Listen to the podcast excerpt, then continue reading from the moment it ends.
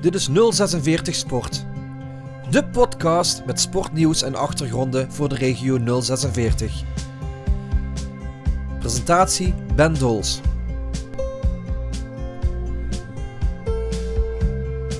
Met vandaag. Het officiële startmoment van de vernieuwbouw te beginnen met slopen. Want als je nieuw wil bouwen moet je eerst eh, slopen wat er staat om van daaruit weer opnieuw te kunnen opbouwen. In 2025 opent het nieuwe sportpark Glaanderbroek zijn deuren. Een plek met fraaie zwembaden, sporthallen, een wieler- en schaatsbaan en een gloednieuwe ijshockeyhal. Een trekpleister voor verenigingen, sporters en recreanten uit heel Limburg en de Euregio. Een plek waar gezondheid op de eerste plaats komt. Maar voordat het zover is, moet er nog het nodige vernieuwbouwd worden. Op 10 mei jongsleden werd officieel de starthandeling verricht van deze vernieuwbouw. Wij waren erbij aanwezig. René Nijsten, eh, lokale ondernemer. Eh, wat is jouw eh, functie in, in deze met, met, met die gele verbouwing? Nou, mijn functie is met name op het technisch eh, gebied. Ik ben projectmanager. Samen doe ik dat met Jacques Oosters van de gemeente Sittard-Geleen. Ik ben op dit moment ook eh, in dienst van de, de gemeente Sittard-Geleen. En ehm, wij hebben eigenlijk het voorbereiding gedaan voor, voor de aanbesteding van het project. Um, daar hebben we twee aannemers geselecteerd. Eentje voor het bouwkundige gedeelte en eentje voor het uh, installatietechnische gedeelte. Mertens en Spie. Um, vervolgens zijn we met het bouwteam aan de slag gegaan om het voorlopig ontwerp dat er al lag toen wij daarmee begonnen, Sjaak, Sjaak en ik. Om dat verder uit te werken naar een definitief ontwerp en vervolgens een technisch ontwerp, zodat we kunnen starten met de bouw. En uiteraard hoort daar ook een prijsvorming bij. En daar zijn we op dit moment met de afronding mee bezig. Waar ben je aan begonnen? Uh, dat, vroeg ik me ook, dat vroeg ik me ook al eens af. Ik denk, dat doe ik wel eventjes. Maar dit is toch wel het, het moeilijke aan dit uh, project is gewoon dat uh, Glanenbroek, we hebben afgesproken Glanenbroek moet open blijven. En dat betekent dat we heel veel werk hebben in de faseringen. En uh, die faseringen heeft te maken dat we niet alles tegelijk dicht kunnen gooien.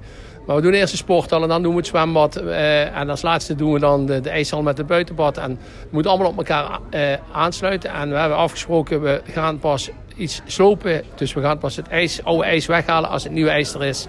En we gaan pas met de renovatie van een bestaande zwembad beginnen als het nieuwe bad er is. En dat is in het traject wel moeilijk en maakt het zeer al uh, intensief. En uh, dat betekent ook dat de, de wisselwerking met de, het management van Glanenbroek, dat dat heel belangrijk is. Ja. Zodat de uh, burger gewoon kan doorsporten en eigenlijk bij wijze van spreken als ze gaan sporten niks in de gaten hebben. Ja, niks. Je weet ik bedoel, het sporten zelf, dat kan gewoon doorgaan. Nou, ja, het sporten kan doorgaan. Ze zullen, iedereen krijgt er last van. Je weet, als je thuis gaat verbouwen, daar heb je ook last van. Dan moet je je gaan aanpassen. Dat betekent hier ook dat de club zich moeten aanpassen. Bezoekers zullen er last van hebben. Maar we proberen dat natuurlijk zoveel als mogelijk te beperken. Ja. Nu zitten we in het begin. Het moet in 2025, 2026 klaar zijn.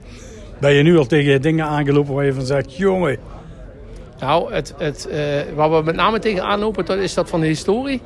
Van uh, het complex heel weinig bekend is. Er zijn nauwelijks tekeningen voorhanden. En niemand, ja, dat is heel vreemd. Je zou zeggen, de gemeente die heeft een, een heel goed uh, dossier. En die heeft alles in orde. Maar die hebben helemaal niks. Die weet ook niks te vinden. Dat heeft waarschijnlijk ook te maken met de fusie van, uh, van Sittard met Geleen en Born. Waardoor in Geleen een aantal stukken... Die, die vinden... In de kachel heeft gegooid. Ja, nou die vinden ze dus gewoon niet meer. En uh, dat betekent dat we vaak, met name constructies en zo, ja, we kunnen alleen maar op zeker spelen. En dat heeft wel behoorlijk wat impact. En voor installaties betekent dat we heel veel dingen niet weten. Dus je moet eigenlijk alles opnieuw uittekenen? Alles, alles. We moeten alles uitzoeken. We komen ook dagelijks, nou, nou zijn we echt begonnen met slopen en grondwerk. komen dagelijks dingen tegen die we nog uh, die we niet wisten en die we nog even, even. Dat is allemaal hier even. Hè. De bekende lijken uit de kast. Juist. En die moeten we dan ja, daar moeten we dan mee omgaan, managen. Dat, daar komt het gewoon op neer. Ja. Maar je hebt er zin in? Uh, ik had er zin in en ik krijg er eigenlijk al langer meer zin in. Voor mij is dit ook natuurlijk een stukje historie. Ik, je hebt jezelf ook gebald. Wij zijn met VNL hier gekomen handelen, was het ding net klaar. En uh, ik heb hier ook mijn eerste Limburgse handeldagen gespeeld. Volgens mij was dat vlak daarna dat de eerste zijn, zijn gehouden. En toen was het nog heel gezellig. Toen was het in een beek Sittert en, uh, en Geleen. En... Uh, ja, ik, ik heb er ook maar één gespeeld, geloof ik. Dat was, dat was ook mijn enige hier. Ja, ja. Oké, okay, veel succes. Dank u wel. Sjaak Oosems houdt namens de gemeente een oogje in het zeil. Ja, de, de voorbereiding ziet er goed uit. En het is voor iedereen duidelijk zichtbaar nu dat we zijn begonnen. En de, de bouwweg heeft iedereen natuurlijk gezien. En dat er uh, gegraven is en uh, noem het maar op. Dus dit zijn alle voorbereidingen. En nu gaan we echt, na vandaag gaan we echt beginnen uh, met het eerste deel. En dat is ja, de nieuwe sporthal helemaal refurbishen, helemaal nieuw maken. Dus daar herken je dadelijk helemaal niks meer van. Hoe lang ben jij al met dit project bezig? Want het is niet alleen de dag van vandaag, maar er is een hele voorbereiding op. Hè? Nou, ik nu een jaar ongeveer. er zijn natuurlijk mensen voor mij die met de voorbereidingen zijn geweest. Maar ik ben nu ongeveer een jaar bezig eh, om nu te zorgen dat de plannen, de planvorming, hè, de architecten, de tekeningen, dat dat nu eh, zeg maar naar echt uitvoering, naar realisatie gaat. Dat is een beetje mijn opdracht. Dus ik ben ongeveer een jaar bezig. Ik heb René net gesproken, René Nijsten. Ja, jullie moeten ja, on the same sheet of music zitten, hè? Anders gaat het niet lukken. Nee, René en ik die, die werken heel intensief samen inderdaad. René is echt verantwoordelijk voor dadelijk de uitvoering. Hè? Dus dat samen met de aannemers eh, de boel eh, eh, gerealiseerd wordt. Dat de aannemers ook aan de slag kunnen, dat dat goed loopt. En ik zit meer aan de kant van de gemeente, de opdrachtgever. De gemeente is opdrachtgever. Om te zorgen dat nu ook alle goede besluitvorming aan de voorkant goed is. De financiën aan de voorkant goed zijn. Dus dat is eigenlijk samen met René een soort tandem ben ik inderdaad. Dat klopt. Met Hotel Jorgele, ja, het is zover hè. Je hebt het startpunt gegeven voor eh, officieel de bouw van de hernieuwbouw van Glanerbroek. Ja, inderdaad. Eindelijk zou ik bijna zeggen. Het officiële startmoment van de vernieuwbouw. Te beginnen met slopen. Want als je nu wil bouwen moet je eerst eh, slopen wat er staat... om van daaruit weer opnieuw te kunnen opbouwen. Hoe voel je je daarbij? Hoe voelt de gemeente zich daarbij?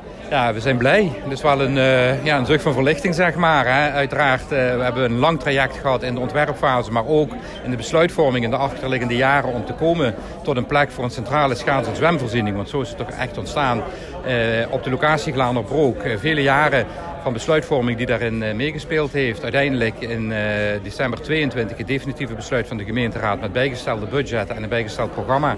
Nou, dan is het mooi als je ook daadwerkelijk buiten kunt starten en kunt laten zien waar we al die jaren aan gewerkt hebben het zou nog meer kunnen bijgezet worden. Hè, als uh, over een paar maanden weer beslist wordt voor de rest uh, van de verbouwing. Ja, precies. De gemeenteraad heeft nu besloten om uh, de bestaande configuratie, noemen we dat dan, te vernieuwbouwen. Dus dat betekent het bestaande zwembad vernieuwbouwen, de sporthallen vernieuwbouwen. Dus eigenlijk een soort renovatie, maar dan wat meer dan dat. En een nieuwe ijshal te bouwen en dan op de plek van de huidige ijshal een nieuwe ingang met horeca. Uh, maar er ligt nog ambitie om ook een 50 meter zwembad te realiseren. En om ook de buitenbaan uh, te overkappen, de, schaatsbaan te overkappen. En die punten moeten nog terugkomen in de gemeenteraad. Voordat dat allemaal uh, beginnen kon, is enkele weken geleden gingen bepaalde paar bewoners hier in de omgeving naar de Raad van State.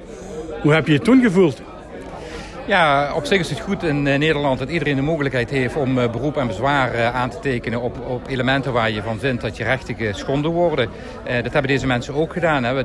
Aan de voorkant, dus tijdens de voorbereiding van het bestemmingsplan, want daar ging het dan concreet om, hebben we heel uitgebreid met alle bewoners gesproken en ze ook laten zien wat we allemaal gingen besluiten als college en later als gemeenteraad. Dat heeft ook ter inzage gelegen, hebben mensen ook een reactie op kunnen geven. Dat is ook meegenomen in de verdere processen.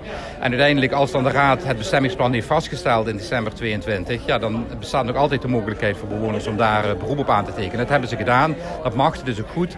Uh, en ze hadden aan de rechter gevraagd, of aan de, rechter van de Raad van State gevraagd... van kunt u er nu ook voor zorgen dat dat bestemmingsplan nog geen nog niet van kracht is. Dus dat er eigenlijk nog niet gestart mag worden met bouwen. En daarvan heeft eh, de Raad van State gezegd, nou dat doen we niet. Dat is geen reden om de bouw op te schorten, om het bestemmingsplan niet van kracht te laten worden. Um, daar was ik blij mee, want dat betekent dat... Ik wou net zeggen, moet er een opluchting zijn ja, zeker, dat is zeker een opluchting, omdat dat betekent dat het bestemmingsplan rechtskracht geeft, dat je ook bouwvergunning mag verlenen voor de eerste fase, hè, waar we nu mee uh, starten. Dat is zeker een opluchting. Dat betekent niet dat de bezwaren daarmee van tafel zijn, want die moet de Raad van State nog behandelen. En dus formeel ligt het beroep er nog. Alleen is er wel een eerste inzicht gegeven door de rechter, maar hoe hij uh, kijkt tegen die bezwaren en heeft daarom gezegd, het is niet nodig om het uh, bestemmingsplan nu op te schorten, want als er al onvolkomenheden in zitten, kun je die repareren. Ik heb net met projectmanager René Nijsten gepraat. Ik stond met verbazing uh, te luisteren toen hij zei van... hier staat niks op papier. Van tekeningen of weet ik wat. Ja, het is natuurlijk een oud complex, hè. 1987. Ja, maar dat mag je... Dat mag... Nee, dat mag niet de reden zijn. Er zijn natuurlijk wel tekeningen, maar in de, in de bouw zie je dat er vaak, zeker in die periode, in het werk veel bepaald werd. Hè. En, in de periode van de gemeente Geleen ook, hè? Ja, überhaupt in de jaren tachtig werd er op een andere manier met, met het documenteren van bouwwerkzaamheden omgegaan. En natuurlijk is er na die bouw van Glaanderbroek van alles gebeurd. Er is ook een herindeling geweest. Archieven zijn samengevoegd. En dan kan het wel eens voorkomen dat stukken daarin misschien niet terug te vinden zijn. Het complex is destijds door de gemeente Geleen in erfpacht gegeven aan LACO. Dat betekent dat de gemeente geen eigenaar meer was. Dus dat zou ook de reden kunnen zijn waarom dossiers niet meer bewaard hoefden te worden. Hè, omdat je geen eigendomsrollen meer hebt. Nou, als je dan weer datzelfde gebouw opnieuw wil inrichten zoals we dat nu gaan doen, nu gaan doen ja, dan heb je natuurlijk wel tekeningen nodig. En dan kan het best voorkomen dat niet alles op papier staat. En dat je uh, dingen tegenkomt waar je van denkt, hé, wat staat? Ja, als je gaat bouwen kom je altijd dingen tegen. Dat heb je in een huis, dat hebben we in de straten. Als we uh, wegen gaan reconstrueren, kom je ook soms leidingen tegen die niet op tekening staan. Nou ja, goed, dan moet je dan naar bevind van zaken handelen. Dat zie je ook in dit complex. En dat heeft natuurlijk ook wel, uh, is het een van de onderliggende redenen waarom de kosten gedurende het proces gestegen zijn. Want toen de eerste analyses werden gemaakt, waar de Raad een besluit op heeft genomen in 2020, uh, was dat op basis van nou, hoe groot is het? Dus de inhoud is zoveel kuub, maal een bepaalde bouwsom. Nou, dan kost het ongeveer zoveel. Dat was die 48 miljoen waar altijd over gesproken is. En vervolgens ga je verdiepen en dan ga je het complex, trek je de plafonds open en de muren open. En dan zie je ja, wat er echt is en hoeveel meters er zijn en welke ruimtes er zijn. En als je dan die verdiepingsslag maakt, ja, dan, dan zie je eigenlijk ook meteen dat de budgetten die daarvoor stonden niet toereikend waren. On, nog even los van de prijsstijgingen die zich hebben voorgedaan door de oorlog in Oekraïne.